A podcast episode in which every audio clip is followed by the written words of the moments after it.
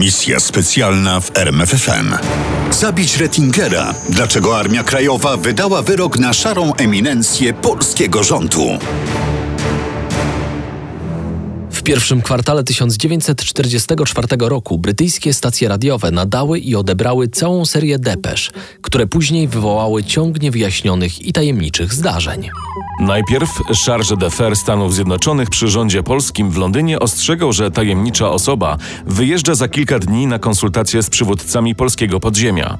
Wylot miał nastąpić z południowych Włoch, gdzie stacjonowały samoloty obsługujące wyloty cichociemnych. I gdzie zatrzymał się major Marian Utnik oficjalnie dla załatwienia spraw organizacyjnych, a tak naprawdę, aby zorientować się, kim jest tajemniczy wysłannik z depeszy amerykańskiego Charge d'Affaires. Ale Utnikowi udało się tylko ustalić jego pseudonim. Brzoza. Brzoza jest ukryty przez Anglików. Ma być dostarczony do samolotu w masce.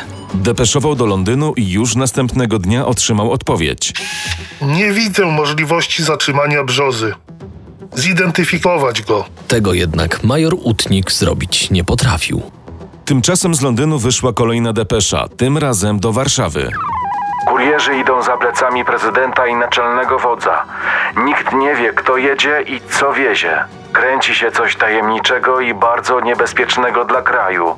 Uważam, iż w momencie, gdy dookoła najżywotniejszych spraw polskich zaczynają się omotywać niecne zamiary, nie pora kierować się szlachetnymi skrupułami. Adresatem tej depeszy był pułkownik Kazimierz Iranek Osmecki, szef wywiadu Armii Krajowej. A nadawcą jego stary przyjaciel jeszcze z lat dzieciństwa, pułkownik Franciszek Demel, podczas II wojny światowej zaufany oficer naczelnego wodza, generała Sosnkowskiego. Demel czuł się na tyle mocny, że zdecydował się działać samodzielnie. Telegram ten posłałem na własną odpowiedzialność, będąc świadom tego, że w razie gdyby cała sprawa wyszła na jaw, konsekwencje służbowe w stosunku do mnie mogły być bardzo poważne. Groziło mi co najmniej zdjęcie munduru. Zatem o co chodziło? I to wyjaśnia Demel w dalszej części depeszy. Przede wszystkim Iranek Osmecki miał odebrać wiezioną przez kurierów pocztę. Jeśli da się to zrobić bez awantury, to lepiej. Jeśli nie, musicie zorganizować jakiś incydent. Mijały dni i tygodnie, a kurierzy nadal siedzieli we Włoszech i czekali, aż poprawi się pogoda. Pogoda poprawiła się dopiero na początku kwietnia. Do oczekującego na pasie startowym Halifaxa podjechał jeep. Wysiadło z niego dwóch kurierów ubranych w kombinezony skoczków. Jeden z nich miał na twarzy czarną maskę. Weszli do samolotu i w cichym chórze pożegnań kilku oficerów zniknęli we wnętrzu kabiny. Dopiero teraz, kiedy samolot toczył się po pasie startowym, mógł zdjąć maskę. W mdłym świetle lampek można było dostrzec chudy kontur twarzy Józefa Rettingera. Kim był Rettinger? Dlaczego jego wyjazd do okupowanej Polski trzymano w tajemnicy? Mówiono o nim kuzynek diabła, Szara eminencja polskiego rządu. agent brytyjski. Sowiecki, meksykański, watykański. Oskarżono o przynależność do masonerii, Walkę z kościołem. tworzenie międzynarodowych spisków, Człowiek Sikorskiego. z którego inicjatywy powstała dzisiejsza Unia Europejska. Rettinger, jedyny Polak, którego z Białym Domem łączono o dowolnej porze. Twórca słynnego klubu Bilderberg, który do dzisiaj gromadzi najważniejszych biznesmenów i polityków świata. Wywoływał mieszane uczucia. Na jego temat zrodziło się wiele plotek. Powiedz mi, Józef. Pytał kiedyś Rettingera jego znajomy Francuz. Mówią, że jesteś masonem, agentem Intelligence Service, CIA i Watykanu, a także sympatykiem komunizmu. Czasem nawet dodają, że jesteś Żydem i pederastą. Co mam na to powiedzieć? Powiedz, że to jeszcze nie wszystko. Owszem, nie wszystko. Wiosną 1944 roku na Rettingera postanowiła zapolować Armia Krajowa i Narodowe Siły Zbrojne. Co mogło spowodować tak drastyczne kroki? Dla kogo zagrożeniem był 57-letni polityk mizernej postury? Okazuje się, że wrogów miał wielu. Do największych zaliczali się prezydent Władysław Raczkiewicz i naczelny wódz generał Kazimierz Sosnkowski. Za wodzem natomiast murem stało wojsko, łącznie z niekwestionowaną gwiazdą polskiej armii, generałem Andersem. Generałowie Sosnkowski i Anders uważali Rettingera za jakiegoś groźnego demona zła. W najlepszym wypadku za agenta Brytyjczyków, w najgorszym za agenta Moskwy. W rzeczywistości Rettinger nie był ani jednym, ani drugim. On po prostu wiedział, co czeka Polskę po zakończeniu wojny. Skąd miał taką wiedzę? Od przyjaciół Brytyjczyków. Pewnego dnia usłyszał od ministra spraw zagranicznych Antoniego Edena, Niech pan powie Polakom, że my się o wschodnie granice Polski bić nie będziemy. Jeżeli nie chcą stracić wszystkiego i uniemożliwić nam wszelkiej pomocy, to niech jak najszybciej dochodzą do zgody z Rosją. Od przyjaciela rotmistrza Stefana Zamojskiego, zatrudnionego w ambasadzie polskiej w Waszyngtonie, usłyszał. Prezydent Roosevelt polecił przygotować projekt na przesłankach linii Curzona, oddania Polsce Gdańska, Pomorza i Prus Wschodnich oraz Śląska, a nawet przesunięcia naszej granicy zachodniej do Odry.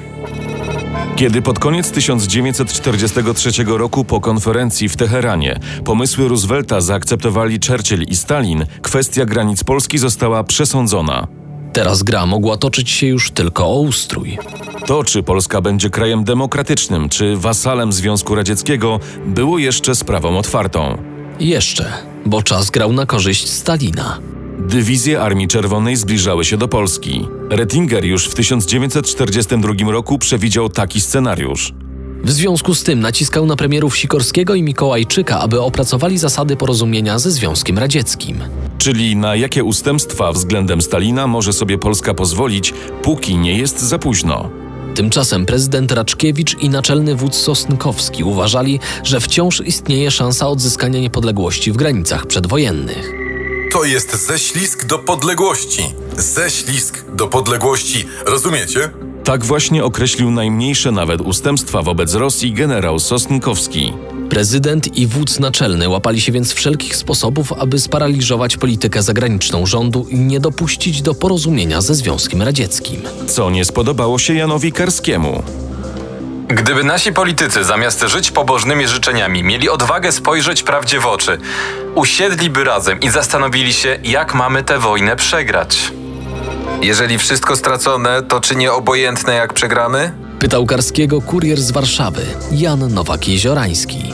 Wcale nie. Powinniśmy myśleć o tym, jak oszczędzić krajowi strat i ofiar i jak go przygotować najlepiej do tego, co go czeka. Podobnie o Raczkiewiczu i Sosnkowskim sądził premier Mikołajczyk. Jeżeli będą trwać w dotychczasowej bezsensownej polityce, nieprzytomnie antyrosyjskiej i antykomunistycznej, to sami doprowadzą do tego, że Rosja i tylko Rosja będzie urządzała państwo polskie i tylko komuniści będą mieli w nim coś do powiedzenia. Atmosfera w polskim Londynie zrobiła się jeszcze bardziej gorąca.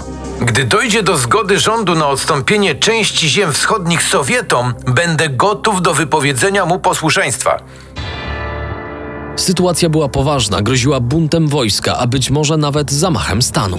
Premier Mikołajczyk i Rettinger zdawali sobie sprawę z wrogości, jaką darzą ich najważniejsze osoby emigracyjnej Polski. Dlatego postanowili działać tajnie w porozumieniu z brytyjskim sojusznikiem. Poproszono SOE o pomoc w zorganizowaniu misji Rettingera do Polski. Prezydent i naczelny wódz mieli się o tej misji dowiedzieć, kiedy Rettinger będzie już w Polsce i trudno będzie go zatrzymać. Jaki był jej cel? Przede wszystkim należało zorientować się, czy przywódcy polskiego podziemia poprą ustępstwa wobec Związku Radzieckiego. Po drugie, czy można było w zamian za zgodę za oddanie ziem wschodnich uzyskać zgodę i gwarancję wolności i niepodległości Polski? Po trzecie, Rettinger chciał się zorientować, czy istnieją realne możliwości kontynuowania ruchu oporu pod okupacją radziecką. Rettinger kombinował jak polityk wysokiej klasy. Chciał uratować Polskę przed pełną dominacją Związku Radzieckiego. Badał więc grunt, czy uda się to zrobić za pomocą porozumienia z komunistami i Stalinem, czy może na takie porozumienie jest już za późno i trzeba szukać dróg konspiracyjnych. Jeśli w grę wchodziło drugie rozwiązanie, to chciał wiedzieć na jakich zasadach. Żeby zorientować się w nastrojach panujących w Polsce, Rettinger umówił się na rozmowę z przybyłym kilka tygodni wcześniej do Londynu kurierem z Warszawy, Janem Nowakiem Jeziorańskim. Czy pan nie sądzi, że w obecnej sytuacji Polacy powinni podzielić się rolami? Rząd w Londynie powinien być tym rejtanem, który prowadzi politykę nieustępliwą, a kierownictwo w kraju, w cichym porozumieniu z polskim Londynem, powinno szukać na własną rękę możliwości ułożenia się z Moskwą? Gdyby ktoś na serio wystąpił z taką propozycją w Warszawie i gdyby się przy niej zaczął upierać, poczytano by go za zdrajcę. To nie były puste słowa. O tym, jak wielkie antagonizmy opanowały Polaków, świadczy ta krótka notatka z biuletynu informacyjnego Komendy Głównej AK. Każdy Polak, który współpracuje w najmniejszej mierze z komunistami, staje się dziś zdrajcą takim samym jak Volksdeutsch. Polak nie może być komunistą, bo przestaje być Polakiem. A jednak Rettinger postanowił zaryzykować. Poleciał. Cztery dni po moim przybyciu do Polski Niemcy już o tym wiedzieli. Skąd? Zdaniem autora biografii Rettingera, Bogdana Podgórskiego, informacja o pojawieniu się Rettingera w Warszawie mogła trafić do Gestapo poprzez kontrwywiad AK i Narodowe Siły Zbrojne. Wśród tej organizacji Gestapo miało wielu agentów. Zaraz po pojawieniu się w Polsce Józef Rettinger otrzymał ochronę. Po Warszawie poruszał się tak swobodnie, jakby miał glejt Himmlera. Ale oczywiście nie było żadnego glejtu. Lecz prawdą jest, że Rettinger nie przestrzegał zaleceń i ignorował ostrzeżenia, co sprowadzało niebezpieczeństwo na niego samego i towarzyszących mu ludzi. Kiedy dowiedział się o tym generał Bur Komorowski, zadecydował. Jak tak, to odebrać mu obstawę. Chodził więc dalej po okupacyjnej Warszawie jak po Londynie, nie wiedząc nawet, że na najwyższym szczeblu AK odbywa się sąd nad jego głową. Byłem świadkiem bardzo gorących dyskusji na temat niewypuszczania z kraju Rettingera i ewentualnego zgładzenia go. Opowiadał pułkownik ze sztabu AK Janusz Bokszczanin. Trudno mi powiedzieć, kto był za zgładzeniem, a kto przeciwko. Rozważano różne możliwości i konsekwencje, wysuwano argumenty za i przeciw. Ja się nie wypowiadam, nie jestem ani za, ani przeciw. Interesuje mnie tylko decyzja. Likwidować czy nie? Pytał Iranek Osmecki. Tu znowu nastąpiła długa dyskusja, podczas której analizowano wszystkie za i przeciw. W rezultacie żadna decyzja nie zdobyła przeważającego grona zwolenników. Wtedy odezwał się generał Tadeusz Bur-Komorowski. Nie będzie żadnej likwidacji. Zabraniam. I więcej wam powiem, panowie. Grzecznie pozwolimy Rettingerowi wykonać robotę i nie przeszkodzimy mu wyjechać z kraju. Ta stanowcza decyzja zakończyła dyskusję, ale jak się miało niebawem okazać, wcale nie zakończyła sprawy Rettingera. Polowanie trwało dalej, o czym Rettinger szybko się przekonał. Jeden z moich przyjaciół zaskoczył mnie ostrzeżeniem, jakie otrzymał od pewnego porucznika AK, że jest rozkaz zlikwidowania mnie. Minęło kilka dni. Gdyby nie interwencja mojej młodej znajomej, zastrzelono by mnie w Warszawie. Czyżby nie posłuchano rozkazu generała Bora? Niekoniecznie. Okazało się, że na życie Rettingera również dybią chłopcy z Narodowych Sił Zbrojnych. NSZ nie akceptowało żadnej formy porozumienia ze Związkiem Radzieckim. Mimo skrupulatnych przygotowań i dokładnego obserwowania poruszeń Rettingera, Skarżył się żołnierz NSZ. likwidacja nie udała się, gdyż w dzielnicy, w której Rettinger mieszkał, dzięki dziwnemu zbiegowi okoliczności bez przerwy kręciły się patrole piesze i samochody niemieckie. Być może Rettinger trafił na egzekutorów z NSZ. Nie znaczy to jednak wcale, że AK miało czyste sumienie. Przeciwnie.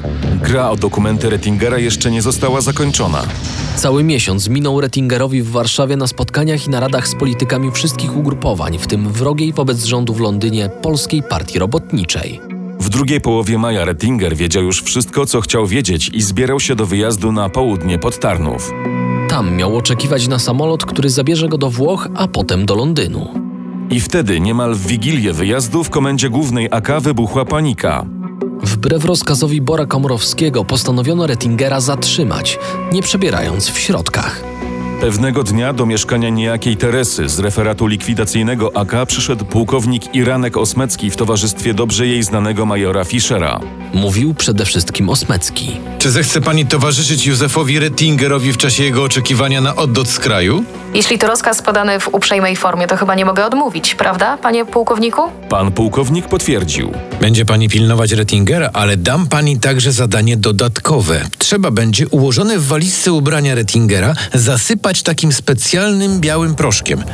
Doręczymy go później, tuż przed wykonaniem zadania. Z dalszej części rozmowy Teresa miała się dowiedzieć, że ten proszek to trucizna. która zadziała za parę tygodni i spowoduje śmierć Rettingera już poza krajem. Aby uspokoić sumienie Teresy, Osmecki dodał: To rozkaz samego naczelnego wodza. Czy Osmecki zignorował polecenie generała Bora Komorowskiego i postanowił zrealizować polecenie pułkownika Demela nadesłane z Londynu?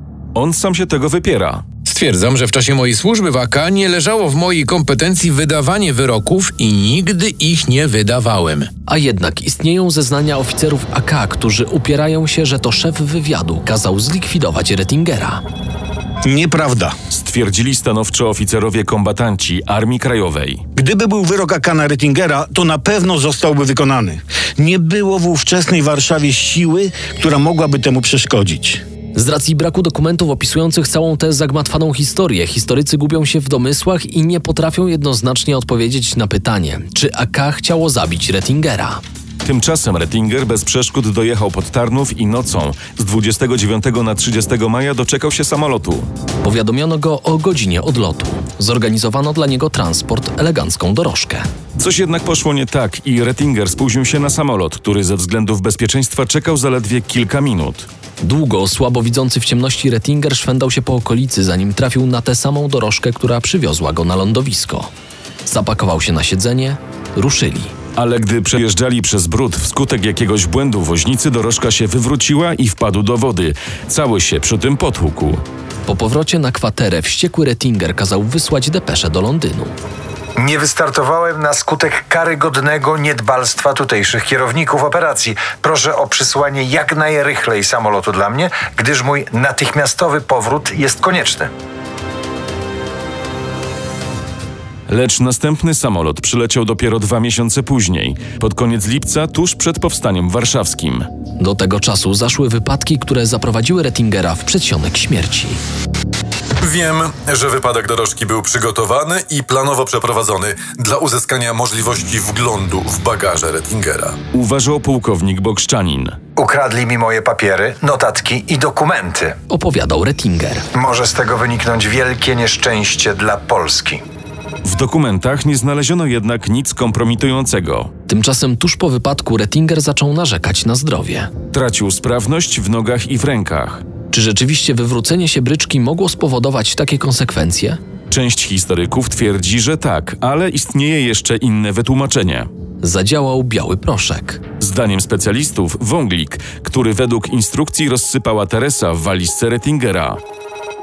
Dotychczas odczuwam niesmak po tej całej akcji, bo mam przeświadczenie, że było to wykorzystanie mojego bezgranicznego zaufania do rozkazów Komendy Głównej AK, których słuchałam nie mając żadnych wątpliwości o ich słuszności. Ja tymczasem zostałam zamieszana w paskudną sprawę, mającą charakter osobistych porachunków na tle politycznym. A może powód był jeszcze inny? Dr Władysław Bułhak twierdzi, że to nie wąglik sparaliżował Rettingera, tylko Sacharyna Q. Wiosną 1944 roku kontrwywiad AK posiadał 20 fiolek tej trucizny. Sacharyna Q jest bardzo trudna do wykrycia, nie ma ani koloru, ani zapachu i smaku. Powoduje paraliż, który z każdym dniem narasta, aż w końcu doprowadza do śmierci. Dawka jednak musiała być zbyt słaba, bo Rettinger nie umarł, został sparaliżowany. Kiedy w lipcu wracał do Londynu, podczas wsiadania do samolotu musiało mu pomagać kilku ludzi. Po powrocie do Londynu, nadal sparaliżowany, ale jak najbardziej sprawny umysłowo, spotkał się z ministrem spraw zagranicznych Wielkiej Brytanii i ambasadorem Stanów Zjednoczonych. Przykro mi panowie, ale nie da się utrzymać państwowych organów i armii krajowej w konspiracji pod nową okupacją. Dla Mikołajczyka też nie miał dobrych wiadomości. Polska będzie popierać premiera w osiągnięciu porozumienia ze Stalinem, nawet jeżeli będzie się to wiązało z utratą Wilna, ale już nie za cenę utraty Lwowa. Pisał w raporcie Rettinger. Delegatura rządu jest świadoma konieczności porozumienia się z Sowietami, ale trudność polega tylko na wygórowanych ambicjach Polskiej Partii Robotniczej i w tym punkcie podziemie liczy na efektywną pomoc anglosasów. Cztery dni po powrocie Rettingera do Londynu brytyjskie Ministerstwo Spraw Zagranicznych wysłało do Moskwy pismo przedstawiające stanowisko rządu polskiego w sprawie porozumienia ze Związkiem Radzieckim. Stalin dostał materiał, który pomógł mu przygotować się do rozmowy z Mikołajczykiem. Poznał polskie argumenty i wiedział, jaką przygotować ripostę. Cała koncepcja misji Rettingera oparta była na fałszywym założeniu, że kosztem ustępstw terytorialnych i za cenę dopuszczenia komunistów do rządu można będzie ocalić niezależność państwa lub co najmniej jego demokratyczny ustrój. Komentował po latach Jan Nowak-Jeziorański. Na to w 1944 roku było już za późno. Wszystkie atuty w tej partii trzymał w ręku Stalin i rozegrał je perfekcyjnie. Misja specjalna w RMFFM. Na tropie największych tajemnic historii.